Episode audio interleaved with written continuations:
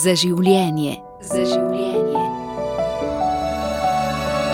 Psihologinja Alenka Rebula Tuta.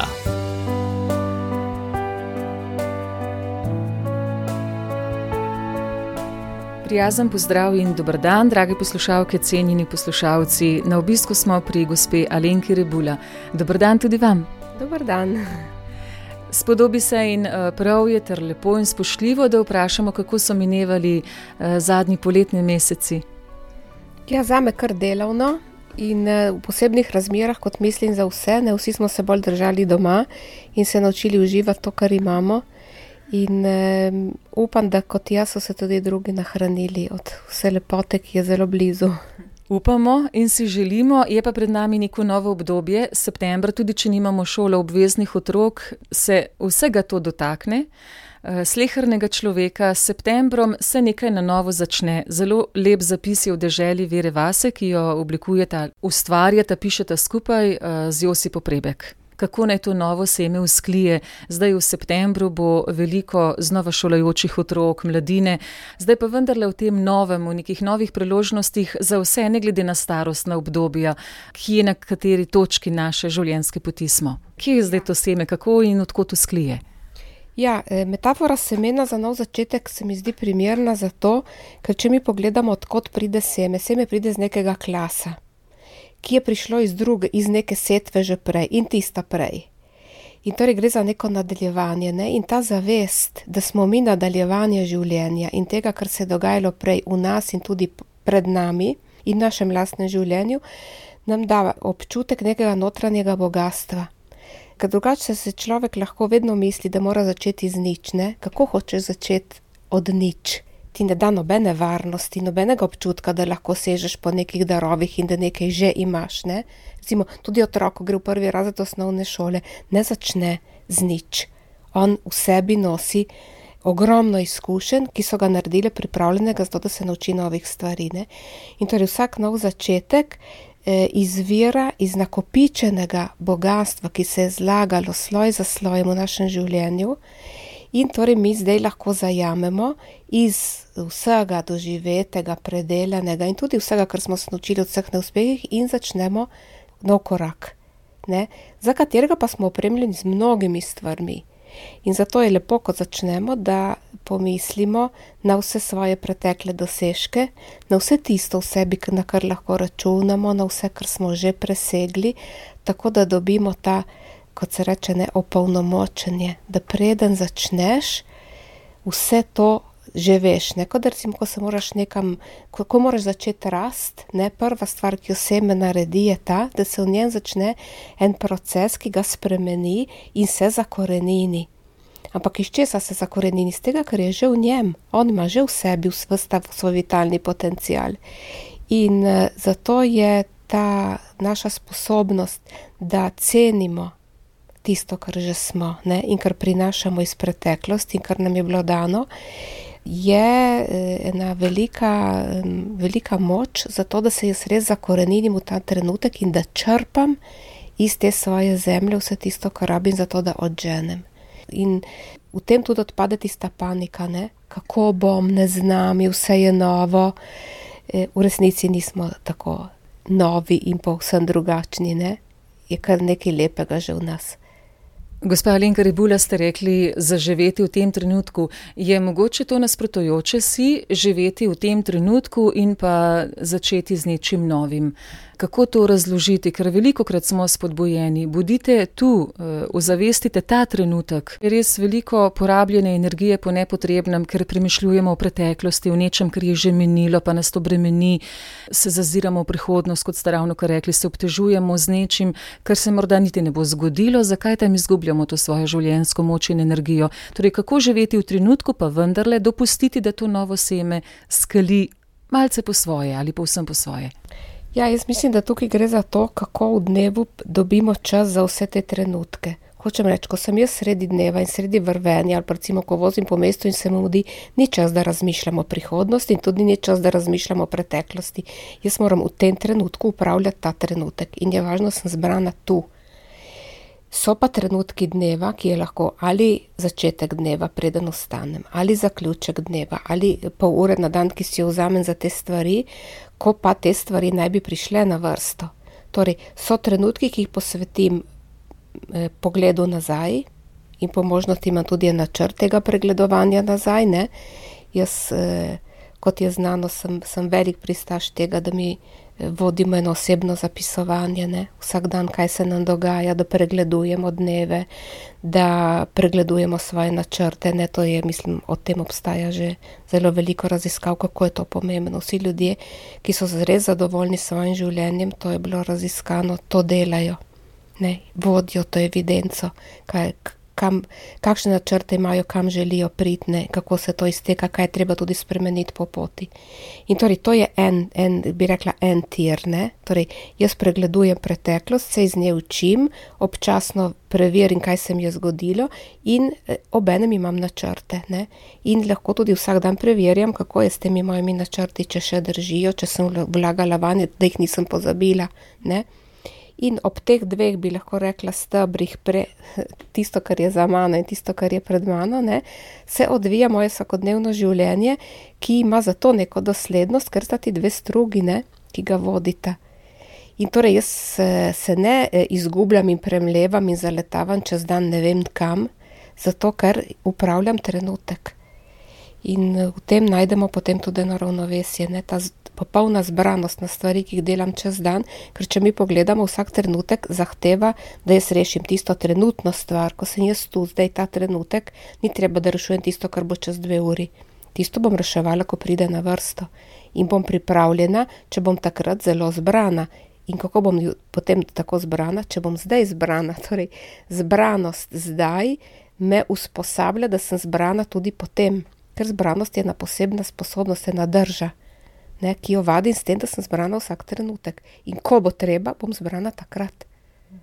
Če se še navežemo na to simboliko semena, eh, seme je starodavno mogočno, sta zapisali z Josipo v deželi Vera Vase in pa sveže mlado. Eh, znova nekaj, kar bi na prvi pogled ne zmogli združevati. Eh, kaj je zaobjeto v tem? Sveda zdaj govoriva zelo spodbujajoče, da bi po počitniškem obdobju in po tem sproščujočem času vendarle zmogli res živeti trenutke, začutiti to zadovoljstvo življenja. Zato to vprašanje.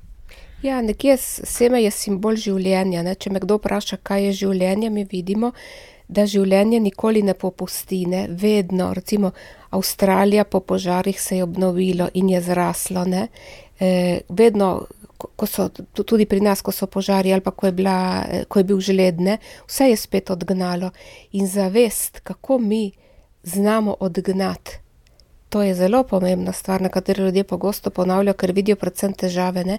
Ta vitalnost, to življenje, ki, ki deluje v vsakem človeku, to je nekaj mogočnega in to se milijone let že obnavlja. In mi smo tu, ker je življenje šlo naprej in je ohranilo zemljo in planet, in, in, in živali, in rastline in človeka. In mi smo del tega čudeža. In smo še vedno v tem procesu. Lahko si domišljamo, da imamo strojen, da je to nekaj večjega, v resnici veliko večje, to, kar vidimo da nas je pripeljalo do tune, vse ti, vsi ti naši geni, ki so šli naprej. Ne? Ta, ta globoka moč narave, neverjetna. To je tisto, kar je za nami. Ne? In po drugi strani, eh, tisto, kar je pred nami, zakaj je seme sveže mlado? Zato, ker nihče, kako to seme še nikoli ni živelo svojega življenja, ne? zdaj mora še sklit in iz tega semena bo zrasla nova rastlina. Nikoli je še ni bilo. To pomeni, da tisto, kar jaz ta trenutek zdaj ustvarjam iz sebe, tega še nikoli ni bilo in tem je svežina. In torej vedno, čeprav je en del mene tako star, ne, nekje pogreznen, bi lahko rekla, ne, v, v te čase, ki so, kdo ve, nek, nekdaj že se je to začelo, ne, ker, me, ker, ker mi je mogoče, da sem tu, je ta moja um, svežina, se kaže v tem, da se kar naprej v meni nekaj obnavlja. Če mi pogledamo telo, kar naprej celice rojijo, se rojevajo, so vedno nove, ne? telo se stalno obnavlja. Videz je ta, da se stara, ker en del človeka se stara, ne? ampak po drugi strani en del se pa obnavlja in bi lahko živel še in še in še. In ta del je tisti, ki mu daje prostor, svežina in zato rečemo, da vsak človek po svoje otrokinje mladne zjutraj, ko se zbudi, zato ker vse, vse bi lahko razmišljal na novo, če bi se spomnil, da ta del njega živi in, in da ujetost v naše misli, kako se nič ne more spremeniti, ali pa celo kako je vse mimo, je stvar nekih mentalnih procesov, ni pa sploh realna, ni, ni v zvezi z življenjem, kot je. Hvala lepa za to misel, gospa Lenka Rebule. Ko sem vas zdaj poslušala, sem se spomnila na nek zapis, sicer drugačna retorika uporabljena in drugačne prispodobe ampak tako dober odziv je bil na zasvojenosti, ki jih je veliko, odvisni smo od marsičesa in tudi sami, kot ste rekli, mislimo, da je to edina realnost, da brez tega ne moremo. Tu je denar, tu je potrditev družbe, tu so uh, določene službe. Ampak, če izstopimo iz teh, iz teh okvirov, se potem res prebudi ta neka življenjska sila v nas in vidimo, da se da tudi drugače. Lahko preživimo tudi brez denarja. Vem, marsikdo se bo zdaj prijel za glavo lahko bi, so ljudje, ki to dokazujejo, ki povsem drugače vzamejo življenje in izbirajo povsem druge poti in preživijo in prav tako ujamajo neko zadovoljstvo in najdejo svojo potrditev. Torej, to prebujate v sebi, to neko življenjsko iskro, da znam pogledati še z drugih plati in izstopiti iz teh odvisnosti. Ja, to je tista njega notranjega prostora, ne, ki sem jo pravzaprav že veliko krat omenila. E, to pomeni, da koliko bi se lahko vsak človek vprašal, ne koliko minut, ne rečem ur, koliko minut na dan jaz posvetim temu, da se potopim v tišino in začutim življenje. Če tega ni, izgubimo ta občutek ne? in vse ostalo postane strašno pomembno, vse tisto, kar ste rekli prej, od, od tega, kako bom napredoval v službi, do tega, kako bom kupil nov avto, do tega, koliko manj dolgov do tega, kaj se bo zgodilo z mojim otrokom čez deset let in tako naprej. Ne? In zakaj so me gnjavili pred 30 leti in kaj so mi naredili pred 40 leti. To je tisto, kar človeka, eh, ko bi rekla, zapre in to je notranji zapor. Medtem ko to srečevanje z, z notranjim svetom, v katerem se umirim ne, in pridem do, do njih globljih uvidov, to je tisto, kar je treba najti v teku dneva to je ta notranja njega, ki jo sodobni človek precej zanemarja. Recimo, včasih gredo ljudje vem, v gore in so en dan na zraku in na travniku ne? in gledajo stene in gledajo nebo. In takrat pogosto razumejo, da tista dimenzija, ne, tista res daje vrednost življenju in tam razumeš, kaj je pomembno in kaj ni. Ne? Samo eh, to, to ni dovolj, da greš kdaj pa kdaj ne, ali pa poleti, da hodiš ta dvig v svet, ki je čist, ki je prvinski ne, in ki je resničen, to je potrebno narediti vsak dan. Zato vse v bistvu verske tradicije ne, so govorile o tej molitvi zjutraj, opoldne, zvečer ali kakorkoli že ne. In to ni bil samo ta trenutek, da pač nekaj izražaš, nekaj skrbi, to ne bi bil predvsem trenutek tišine občudovanja lepote, doživljanja daru življenja in to, da postaneš spet vitalne. In eh, pogosto vidim, da ljudje, tudi, tudi ljudje, vem, ki hodijo v crkvu, ne opazijo, ne čutijo na, na ta globinski način, ne, kaj pomeni res srečevanje s svetim in z božjim, ki ne bi bilo predvsem tišina. In odprtost za to, da nekaj drugega doživim, da se spremeni moj pogled in moj občutek ne da ponavljam samega sebe, spet v istih variantah. Ne. Tisto ne pomaga dosti. In torej to iskanje notranje tišine, to je ta tempelj, ki ga ima vsak človek v sebi, to bi bilo potrebno obiskovati, da dobimo tisti občutek, kaj je res tisto, kar nam kar posveti naše življenje. Če v kateri vdaji smo pa res o teh z vami, gospa Alenka Rebula, že v teh vrsto letih govorili prav o trenutkih tišine, umiritve, da izklopim ta hrup sodobnega življenja in tega je res veliko, morda se ga marsikdo niti ne zaveda, kaj vse šumi, hrumi okrog nas. Določene interesne skupine prav tega ne želijo, da bi se ljudje uglasili v sebi ampak si želijo te naše neke odvisnosti od hrupov, od informacij, od neke navezanosti, vibracije na neke klike, na neke piske. Sej konec koncev to uravnava naš vsak dan, potem smo pa utrujeni s polno glavo ob petih, šestih popoldan in se vprašamo, zakaj. Torej ta preskok in na tak način bomo lahko tudi lažje, kot marsikdo reče, joj bi podaljšal dopust še za 14 dni, nisem še se dobro odpočil. Bi lahko na ta način naredili mehak prenos? Ja, odpočiti se je v resnici treba vsak dan. Vsak dan se je treba odpočiti. Že zjutraj se je treba odpočiti, zato da vdihneš dan drugače. Ne? In tudi zvečer je treba pospraviti dan in res se odpočiti in odložiti skrbi za res. To je nujno in mislim, da to bi bilo potrebno ponavljati še in še, zato ker tega ni nikoli preveč in to edino da pravi ritem našemu življenju ne? in nas pripravi tudi na zahtevne trenutke. Torej, to gotovo.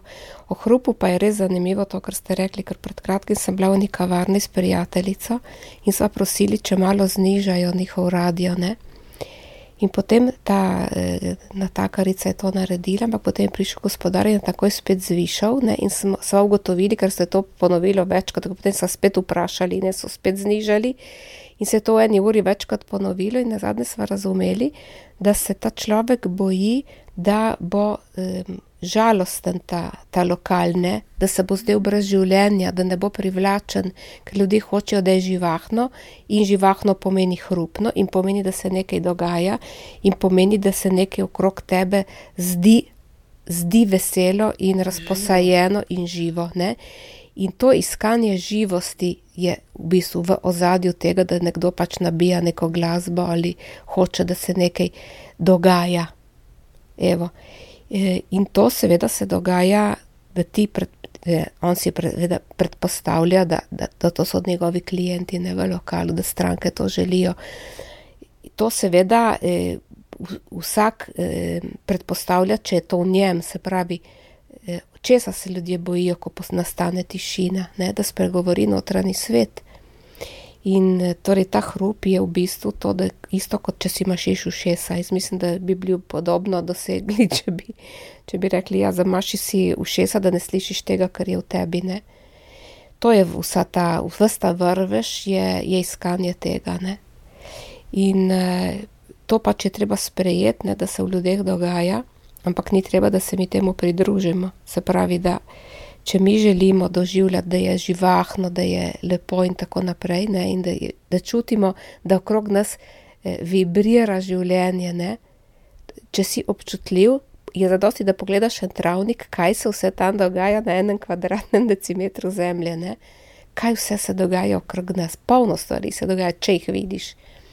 In torej tisto, kar manjka v resnici ljudem, ki so že precej otopeli, je ta občutek za dogajanje, kaj vse se dogaja v njih, v njihovem telesu in v bližnjih. Ne? Če bi to videli in opazovali, bi ne potrebovali vsega, kar je okrog. In smo spet pri tem, kako smo neobčutljivi za bogatstvo življenja, ne? za vse to, kar klije, poganja, se spreminja, drvi, ne? recimo stvari, ki drvijo okrog nas, svetloba, ne? vse to kako bi rekla, eh, narava je tako živa, toliko stvari se dogaja. Če bi mi gledali vse procese, ki se dogajajo v enem drevesu, ki je popolnoma tiho in mirno in ga gledaš, kaj vse je tam. Ampak mi nismo vajeni, da bi se ustavljali ob teh stvareh in da bi čutili, kako je to nekaj velikega ne? in torej iščemo drugo. V teh naših oddajah ob sobotnih dopolednevih se zelo pogosto navežemo na mlade, na otroke, na vzgojo, kako jih spremljati, kako jim predati neke nove priložnosti, da ne bi bili kloni nas, ampak bi iskali neke svoje poti, izboljševali ta svet. Zato mogoče na tem mestu tudi vprašanje, eh, vse več je upozoril, da so hiperaktivni otroci, težko se zberajo, tudi mladina, da poseže po nekih odvisnostih, mogoče prav za voljo tega, ker želijo, da vse utripa tako mrzlično okrog njih, da je vse živo, da se dogaja, kot tudi sami rečejo v svojem žargonu, pa je verjetno to samo nek vrh ledene gore to bistvo je verjetno prav v tem, ker otroke že navajamo na neke preveč intenzivne igrače. In če vidimo, da se otrok dolgočasi, brskamo po svojem umu, kako ga zanimirati. Kot da bi bilo kaj narobe s tem, da mi je včasih tudi kaj dolg čas, se sama spominjam, po cele počitnice nam je bilo dolg čas, pa smo si izmišljali vse mogoče igre in aktivnosti, ampak otroci sami med seboj. Je torej res to samo nek vrh ledene gore? Kako vi opazujete, kot pedagoginja, kot psihologinja, recimo to, kar nam zdaj otroci in mladi sporočajo s to svojo navidezno neko mrzličnostjo, da se ne znajo umiriti? Po, po čem hrepenijo? Kot spodbuda, da bi to uvajali za lepšo tudi jesen, mirnejšo zimo. Mislim, da ne samo mladi, ampak oni še posebej želijo, da bi doživljali. Mislim, človek živi od občutkov, ne? Torej, eh, zdaj pa, če pogledamo mi svoje izkušnje, bomo verjetno ugotovili, da kadar mi doživli, doživimo nekaj zelo globokega, ta stvar, ki gre do korenin, potem odmeva. Včasih, recimo, doživiš neko stvar in cel dan ne moreš ven iz tega. Ne? In cel dan ta stvar odmeva in te nič drugega ne zanima, in si pretresen od veliko, kako je velika ta izkušnja ne? in ta stvar te vzame vase, in jo še in še obdeluješ, in je materijala še in še, zato da se tam ustavljaš. Ne? In imaš občutek, da je bilo nekaj velikega, da si doživel nekaj velikega, in moraš povedati enkrat in dvakrat, in ne vem komu še. Ne? To je tisto, kar pomeni za res doživeti stvari. Zato, da za res doživiš stvari, seveda, moraš biti občutljiv zato da jih lahko sploh doživiš in seveda jih potem tudi doživljati. Zdaj, občutljiv človek eh, zna poiskati okolje in ambient, kjer doživlja globoke stvari. Ne, odrasel človek včasih rabi globok pogovor ne, ali pa eh, eno umetniško doživetje in tam najde stvari. Eh, mladi ljudje do, rabijo, ki še ne poznajo sebe, ne, rabijo zelo verjetno to, res, da jih kdo doživlja njih da jih posluša in da s kom delijo te svoje eh, rekla, življenje, ki se prebuja, ne, in da imajo tudi srečanja z ljudmi, ki so jim zanimivi, in tako naprej. In eh, mlad človek verjetno rabi prav to, da, da si ob njem, da on išče te izkušnje, ne, da, da mu je to bogato. In torej, eh, ko mi vidimo, da je kdo nemiren in da išče, kaj bi še doživljal, ne vem, kaj bi bilo lepo, da se pogovorimo o tem, kaj njega navdušuje, kaj ga zanima, kaj mu je lepo, zato da smo lahko mlademu človeku ob strani, da išče ambijente, okolje in izkušnje, ki so po njegovi miri. Ker če ne imajo mladi, to, to, se lahko to zgodi, da potem iščejo vsi isto stvar, ampak ne more ista stvar vsem ne, dati tega, kar želijo bi rabili, verjetno oni tudi različne prijatelje, enega za eno, drugo za drugo, tretje za tretje zanimanje, se pravi, da bi imeli socialno življenje, ker z različnimi ljudje, ljudi doživljajo različne stvari, ne da postanejo deljene črede in da bojo kot vsi enaki. Ne?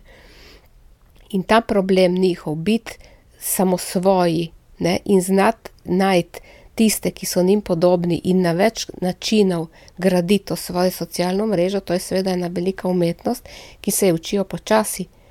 Eh, o tem verjetno tudi premalo vejo in to je ena od tistih stvari, ki bi jim lahko povedali, ne, zato da bi oni to razumeli. Sem pa hotela še nekaj drugega dodati, ne, recimo to o socialnih omrežjih, da um, tisti, ki upravljajo socialno orožje, recimo slučajno mislim na Facebook, ne, to so največje glave sveta, ki so čudovito plačani za to, da kradejo čas. Ne, torej to, eh, mladi se mirijo z eno, kako bi rekla, elito spretnega prodajanja, ne, ki kupuje njihov čas, oziroma oni jim prodajo svoj čas, ker ko so oni dve minuti, tri minute, štiri minute ne, na omrežju, to se denar steka nekomu. Ne. In torej ena od zanimivih stvari mladim bi bilo povedati, kako ta stvar deluje ne, kako delujejo socialne mreže in kdo služi in kako vse to gre. To bi se mi zdelo veliko bolj koristno, kot to, da jim zabičamo, naj se jih ne poslužujejo. Ne, zato, ker eh, to je kot da ti pelješ nekoga v slaščičarno, kjer so čudovite stvari in mu rečeš naj ne je. Ne, to mu je treba razložiti, da to je res čudovito narejeno in spretno, ne, ampak kam to gre in kako se to služi. In o tem, kot, kot po moji izkušnji, nimajo oni informacij. Ne, oni mislijo, da to nekje zastojn ne, in da pač to nekako je tam zanimivo in ponujeno. Ampak ena resna informacija o tem, kako deluje eh, bogatstvo, ne, pridobivanje bogatstva na njihov račun preko socialnih, to bi se mi zdela ena zelo koristna stvar tudi v šoli kot, kot, kot raziskovanje. Ne. To se mi zdi ena od pomembnih stvari, evo, ki jih ne delajo vzgojitelji in bi bila pomembna, po moje.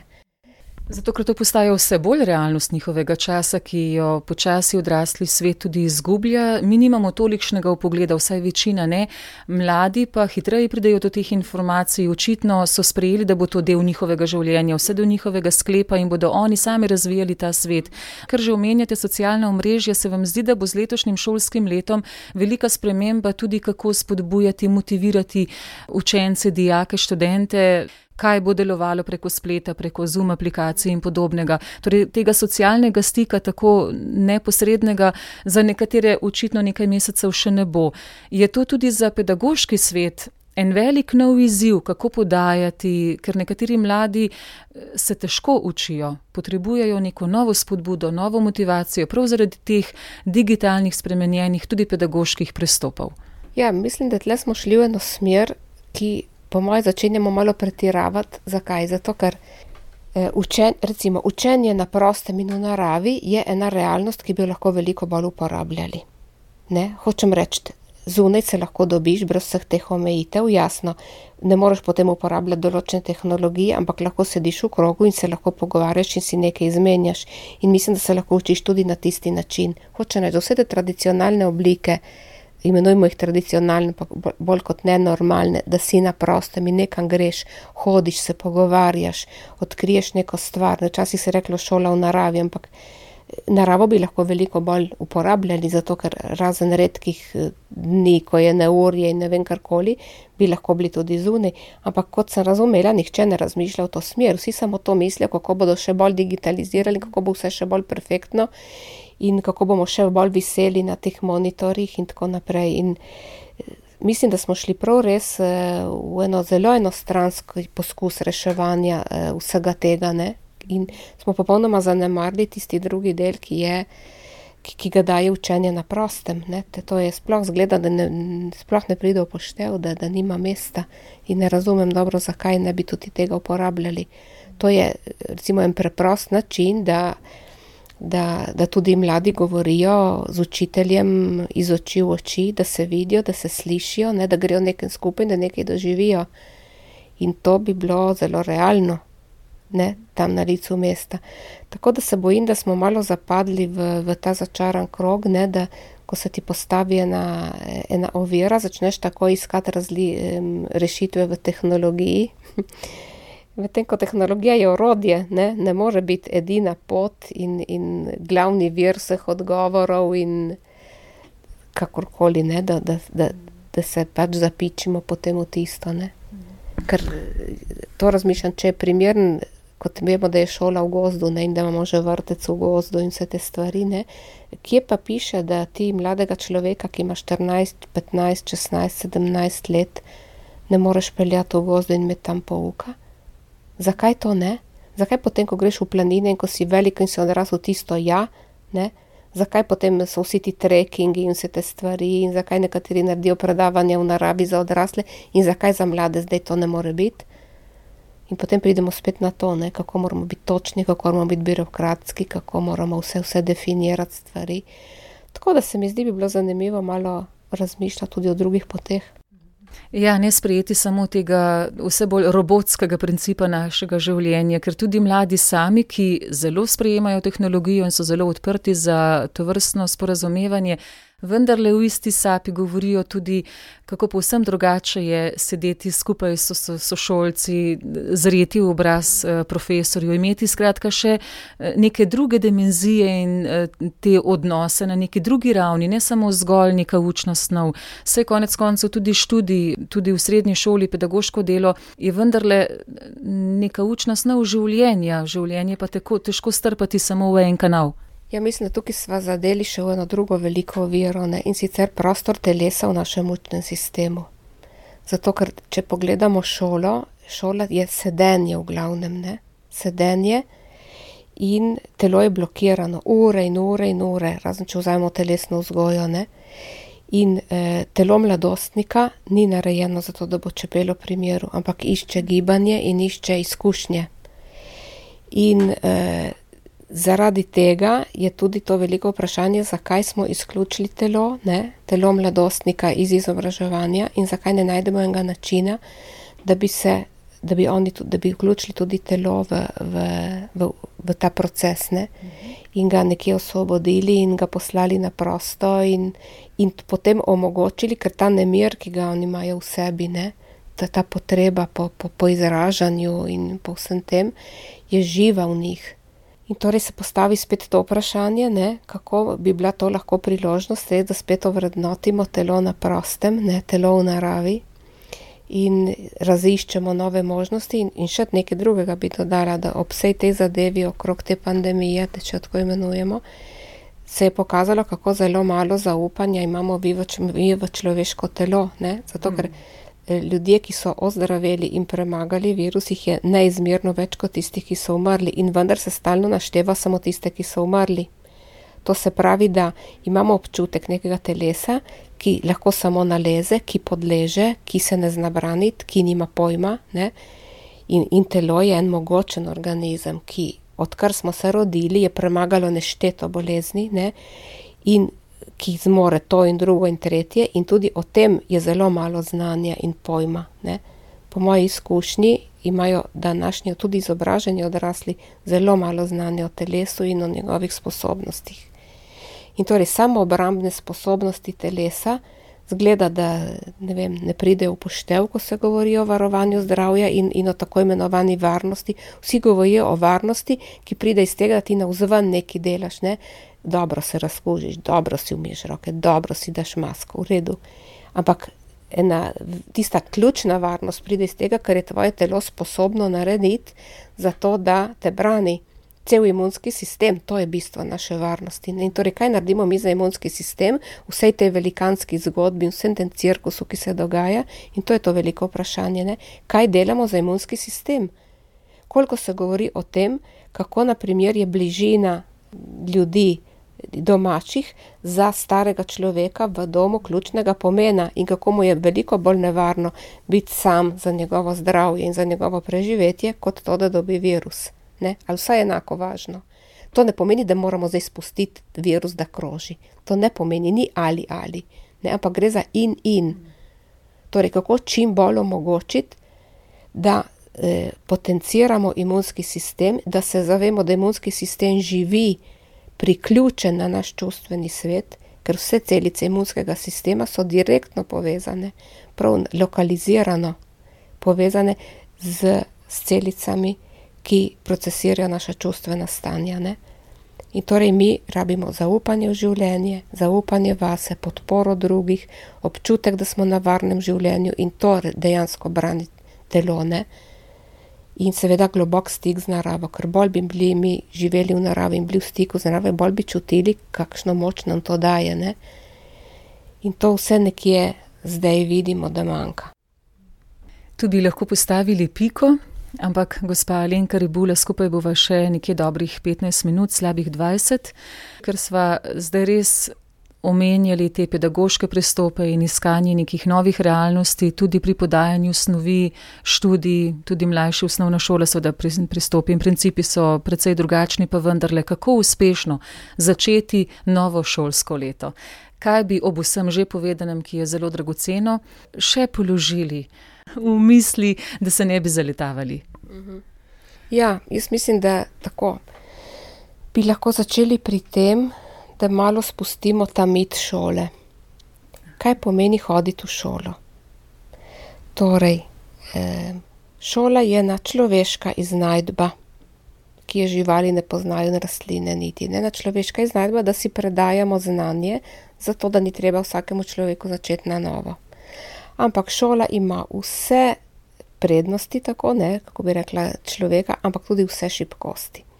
Kar pomeni, da je struktura, da je zato okostenela, da je toga, da v njej nekateri se znajo eh, soočati s stvarmi, drugi sploh ne. Da to, kar učimo, je dosti krat že preseženo, da dosti krat eh, tisto, kar se bomo naučili, bo pozabljeno in druge bistvene stvari, ki jih morali znati, jih tam ne bo. Hočem reči to, ko bi mi najprej kot prvo stvar dali šolo na, realno mesto v našem življenju in bi rekli, to je en majhen delček življenja na začetku našega življenja, ki nas v glavnem z nekaterimi osnovnimi stvarmi opremi, bolj ali manj uspešno, ne? ampak to je tudi vse. Šola ni tempelj znanja in uh, kraj, kjer se moram jaz izkazati in kjer jaz, ko dobim medaljo, to mene ponese in da poletim v svet uspeha. To ni spričevalo o tem, koliko bo moj otrok delaven. To ne pomeni, koliko sem jaz dobra mama in koliko sem, mislim, mi nalagamo v te rezultate v šoli neverjetne stvari. Ne? In kot prva stvar je bilo treba priti na realna tla. In reče, to je ena izkušnja, v katero otrok gre, ki bo polna prijetnih in neprijetnih dogodkov, kjer bomo poskušali speljati vsi skupaj to zadevo, ne? in na koncu bo to v bistvu en zaključek, in potem se bo vse šele začelo. In ko gledaš to, ne, se, ne, se sesuje tisti mit, ne, kako moramo zdaj vsi tukaj zraven nekaj od sebe dati, zato da bomo briljantni in da bomo odlični in da bomo ne vem kaj. In tukaj mislim, da se pokaže eh, tudi to, kako znajo biti odrasli res pošteni. Bi bilo fajn se vprašati, ne, da mi kot starši, da se vprašamo res, kako smo mi doživljali šolo, kaj je bilo nam pomembno, kaj nam je res šola dala, ampak res se to vprašati. Kaj smo se tam naučili, kaj je bilo odveč, kaj nam je najbolj pomagalo, kako smo se počutili, kaj smo si takrat želeli od staršev. Ne? In ko gremo v to, se, za, zakaj to? Zato, da se mi rešimo tega, da bi imeli te projekcije, ne se pravi, da bo otrok pač potem, da ne vidimo, koliko sebe vlagamo. Se pravi, ko otroku nekaj ne gre, je zelo možno, da jaz se spominjam, kako meni ni šlo. Ne? Ko se otrok boji, se spominjam, kako sem se jaz bala in namesto, da bi videla njega, vidim sebe. In ta sposobnost otroka ne moremo spremljati, če smo zmeri mi v spredju. Mi, naše želje, naši strahovi, naša panika, naši kompleksi. Ne? In torej že to odložiti bi bilo krasno, bi otroka razbremenili, da gre samo v šolo in ne z mojo senco nad sabo. To je ena, ena velika stvar. Ne? In seveda potem na ta način lahko mi to mirno spremljamo. In potem še en drugi mit je ta, ne, da mi mislimo, da to, kar otrok pokaže v šoli, to je neka eh, informacija o njem kot človeku. Ne. Mene je vedno znova presenečalo, kako to ne drži, ko sem opazovala svoje dijake. Recimo, sem imela dijaka, ki je bil popolnoma neodgovoren, kar se tiče šolskega dela. Nikoli naloge, nikoli se ni naučil, stokrat obljubil, pozabil zveze, klasičen slab dijak, kot se reče. Ne. Evo, tisti, ki te spravi popolnoma obživce in imaš občutek, da nisi dosegel nič. Evo. Po drugi strani, ko smo njega dali v okolje za prakso, ker je učila na pedagoškem liceju, ne, in je on imel opravka z majhnimi otroki, je pokazal absolutno odgovornost. Ker on je bil doma eno družino, kjer je bil, jih je bilo več, ne, ampak je bil verjetno tudi po značaju tak. Skratka, otroci so ga oboževali. Bil je absolutno zanesljiv. Vedno ob tisti uri, kot je moral biti, mislim, sposoben rešiti stvari, skratka, njegova zanesljivost in odgovornost je bila tam sto odstotna, kot je bila v šoli na nuli. Torej, to, kaj nam pove, ne? da ti ne moreš absolutno sklepati, da če ima nekdo dobre delovne navade, je v šoli eh, to in to in to in to, da to bo v življenju, oziroma nasprotno, da če tega v šoli ni, tega v življenju ne bo spravi. Ker zdaj nima naloge, bo ena splošna lenoba in bo za pravo življenje. In jaz ga vidim pri osmih letih, ne piše naloge in se potepa, in ga že vidim pri štiridesetih, da bo propadel. To so zdaj starševske projekcije, panične, ne? ki bi so brezvezne. In to, torej bi rekla, da eh, omejimo to stvar in dajmo ločiti, ne otroka kot bitje, ki ga jaz vidim vsak dan ne, in s katerim sem v stiku in ga čutim in ga poznam, ne, in otroka, ki postane učenec v neki strukturi, ki ni narejena po njegovi meri. Nobena šola ni narejena po meri za otroka, kot nobena služba ni narejena točno po naši meri. Ne. In kot se mi lahko dosti krat znajdemo zelo slabo v službi ali pa zelo dobro, odvisno kako, kam smo padli ne, in kako nam je, enako se lahko dogaja otroku. In torej ta realen, kako bi rekla, modrost, ne, da bi imeli starši modrost, ko spremljajo otroka v šoli, da bi gledali kot zrela, odrasla oseba na to šolsko strukturo, ne kot ene ubogi, kako bi rekla, udani, podložna bitja, ki, ki obožujejo to stvar, ne, ali pa ki po drugi strani hočejo, da ta, ta, ta struktura za nje naredi en čudež in naredi iz njihega otroka enega genija in tako naprej. Češ, tle starševskih eh, zadej, ne, ozadij, je ogromno, ki sploh ne spadajo v šolo in ki otroku absolutno otežijo to, da bi on mirno prišel skozi to šolsko izkušnjo, ki je taka in drugačna. Ne. In potem še glede otroka bi rekla to, ne, da namesto, da smo mi koncentrirani samo na to, kako, kako se bo učil, kaj bo znal, kaj se bo naučil, ker učil se bo med drugim celo življenje, ne, bi bilo važno, da se otrok nauči, da se v ambientu, ki je, da razume, da si človek lahko naredi življenje bolj ali manj prijetno. Se pravi, ključno vprašanje je, kaj jaz lahko naredim, ko hodim v šolo tako, kot je, z učenci, kot so, z učiteljem, kot je in svetom, kot je, da mi je čim bolj prijetno, da me razumejo, da jaz drugim povem, kdo sem, da me sprejmejo in da mi je lepo. Ne, kako, kaj lahko jaz uložim? To je potem, ko rečemo, da je šola za življenje. Ne? V življenju se stalno srečuje z ljudmi, ki te ne razumejo, ki te ne odobravajo, ki ti naredijo kakšno krivico, ki ti ne pomagajo. In torej vprašanje je, kako lahko jaz dosežem podporo, pomoč in razumevanje, ne? kako se lahko prilagodim, kako si priredim stvari, skratka, kaj jaz dam v določeni situaciji, zato da je meni potem življenje z drugimi bolj prijetno in da speljem svoje, svoje stvari. Ne?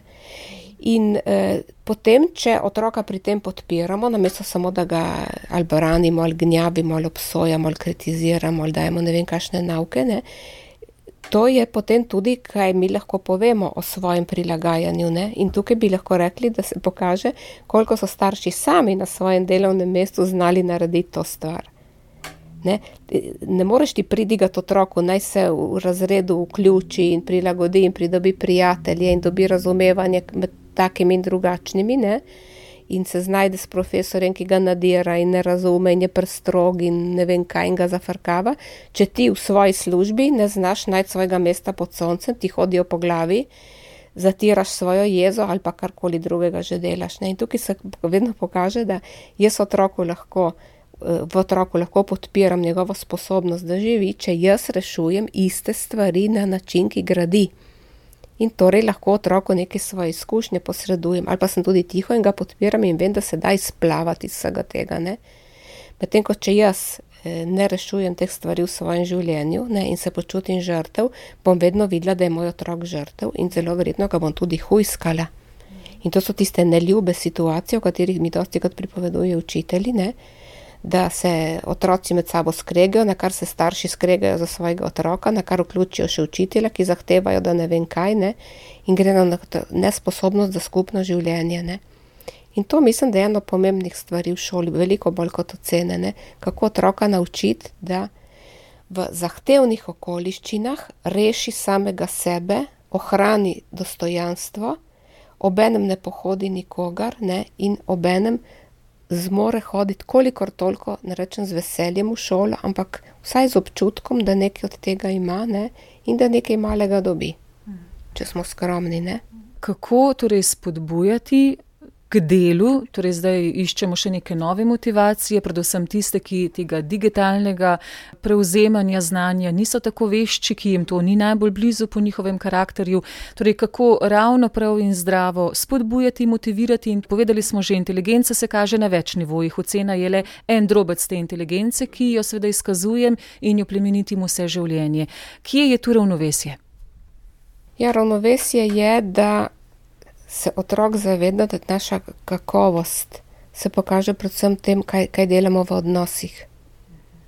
Torej, kakovost človeka, plemenitost človeka se vidi v tem, kako zna prisluhniti drugemu, kako zna razumeti, kaj drugi rabi, kako zna eh, graditi razumevanje, ker nismo sami na svetu. Ne? In da to je tista stvar, ki eh, je najpomembnejša za življenje. Vse ostalo so samo orodja vključno s tem, kaj znam delati na, na računalnik. Ne?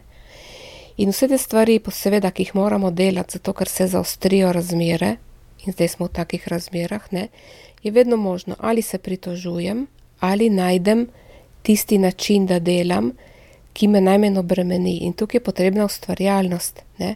Se pravi, naprimer, kako lahko organiziramo delo doma s primernimi pauzami. Kako lahko eh, dobimo, nam kdo pomaga, da smo pri stvarih bolj spretni. Hočem reči, da ta medsebojna pomoč eh, je zelo pomembna. Zato, ker, ker so nekateri nadarjeni za eno in drugi za drugo, lahko otroci razumejo, da ko si pomagajo, jaz lahko dam nekaj, drugi lahko da nekaj drugega. Ne? In torej ta skupinski del medsebojne pomoči je zelo pomemben, ker tako lahko razumejo, da ni vsak sam, ker problem pri teh računalnikih je, da pred strojem si sam ne, imaš občutek, da, da, da ni nikogar. Tudi reka, ta virtualna prisotnost drugih je bolj majhna to lažba, ne, za silo je. Ne. In zato eh, mislim, da ena od stvari, ki jih mogoče bi lahko rekli, ki bi le, lepo razvijati, je ta, kako graditi povezanost, ampak realno in konkretno. Ne, Eh, da ne ostanemo samo pri tem, da se vidimo na sliki in nadaleč, in kako smo lahko ustvarjalni s tem, da se dobimo tudi zunaj, ne, na en realen način in se učimo skupaj tudi drugače. In da najdemo, kako bi rekla, vse možne zvijače, izhode in ovinke, da pridemo do resničnega stika. Ker če ti pustiš, da te omeji to, kar rečejo drugi, da se ne da, ne, Vem, recimo, jaz mi pride na misel, ko se ni dalo iti iz hiše nismo smeli niti v trgovino, jaz sem si izbrala najdaljšo pot, da sem šla, zato da sem lahko hodila eno uro, ker do trgovine imam pet minut. Ne? Ampak recimo je bilo treba se zmisliti razne opravke in ne vem kaj, zato da nekaj počneš. Ne?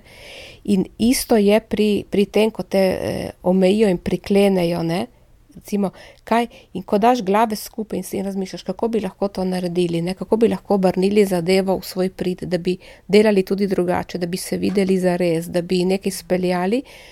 Ko daš skupaj to ustvarjalnost mladih in njihovo duhovitost, ne, njihovo pobude, ker ponavadi mladi so zelo domiselni, ne, se gotovo bodo pač zmislili, kaj če nehajo biti samo izvajalci.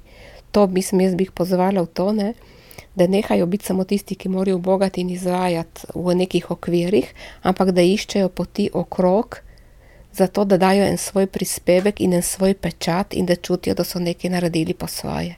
Jaz mislim, da brez tega mladi ljudje prav odpovejo. Ne? Če jim pa daš eno, eno povabilo v to, da, da izumljajo neka prostore svobode znotraj tega, kar, kar jim je določeno potem bodo mogoče dobili to motivacijo za to, da dajo nekaj več od sebe, ker motivacija mora priti iz tega, da imam jaz v sebi eno hrepenenje, ki dobi en odgovor. Ne, njihovo hrepenenje po druženju, po ustvarjanju, potem, da bi bilo življenje še vedno lepo in privlačno, je tisto, ki išče odgovor. Hvala lepa, gospa Alenka Rebula. Kar nekaj odgovorov smo dobili, zelo ključnih, tehtnih, zelo zdravih in na vse spodbujajočih. Lažje zaplavali jeseni naproti. Ni treba, da se povsem odpovemo dopustniškim trenutkom, kot ste rekli, vsak dan ima lahko svojo minuto dopusta. Tako kot imamo 14 dni v letu, tako si dovolimo vsak dan nekaj trenutkov res dopustniških, počitniških, ko gremo odkrivati predvsem ta naš notranji svet. Kot ste rekli, modro je, da si beležimo svoja občutenja, da na nek način tudi pišemo dobesedno zgodbo svojega življenja in izkustev. In se kmalo znova srečamo, do takrat pa naj vas poslušalci spremljajo, tudi berejo vas in pa Josip Poprebek preko zapisov dežele Vera Vase. Hvala in vse dobro. Ja, srečno. Za življenje. Za življenje.